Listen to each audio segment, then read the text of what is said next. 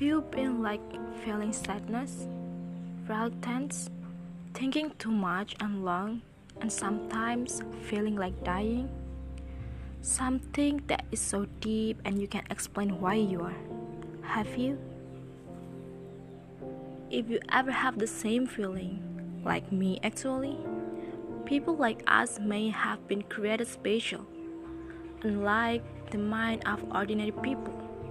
We have more than others.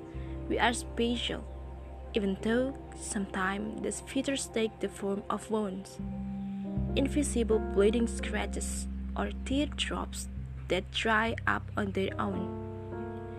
We are different and we will still be ourselves no matter how much we hate it. We will still fall in love, you and I. See, he and they always have a pain, and that is so fucking special.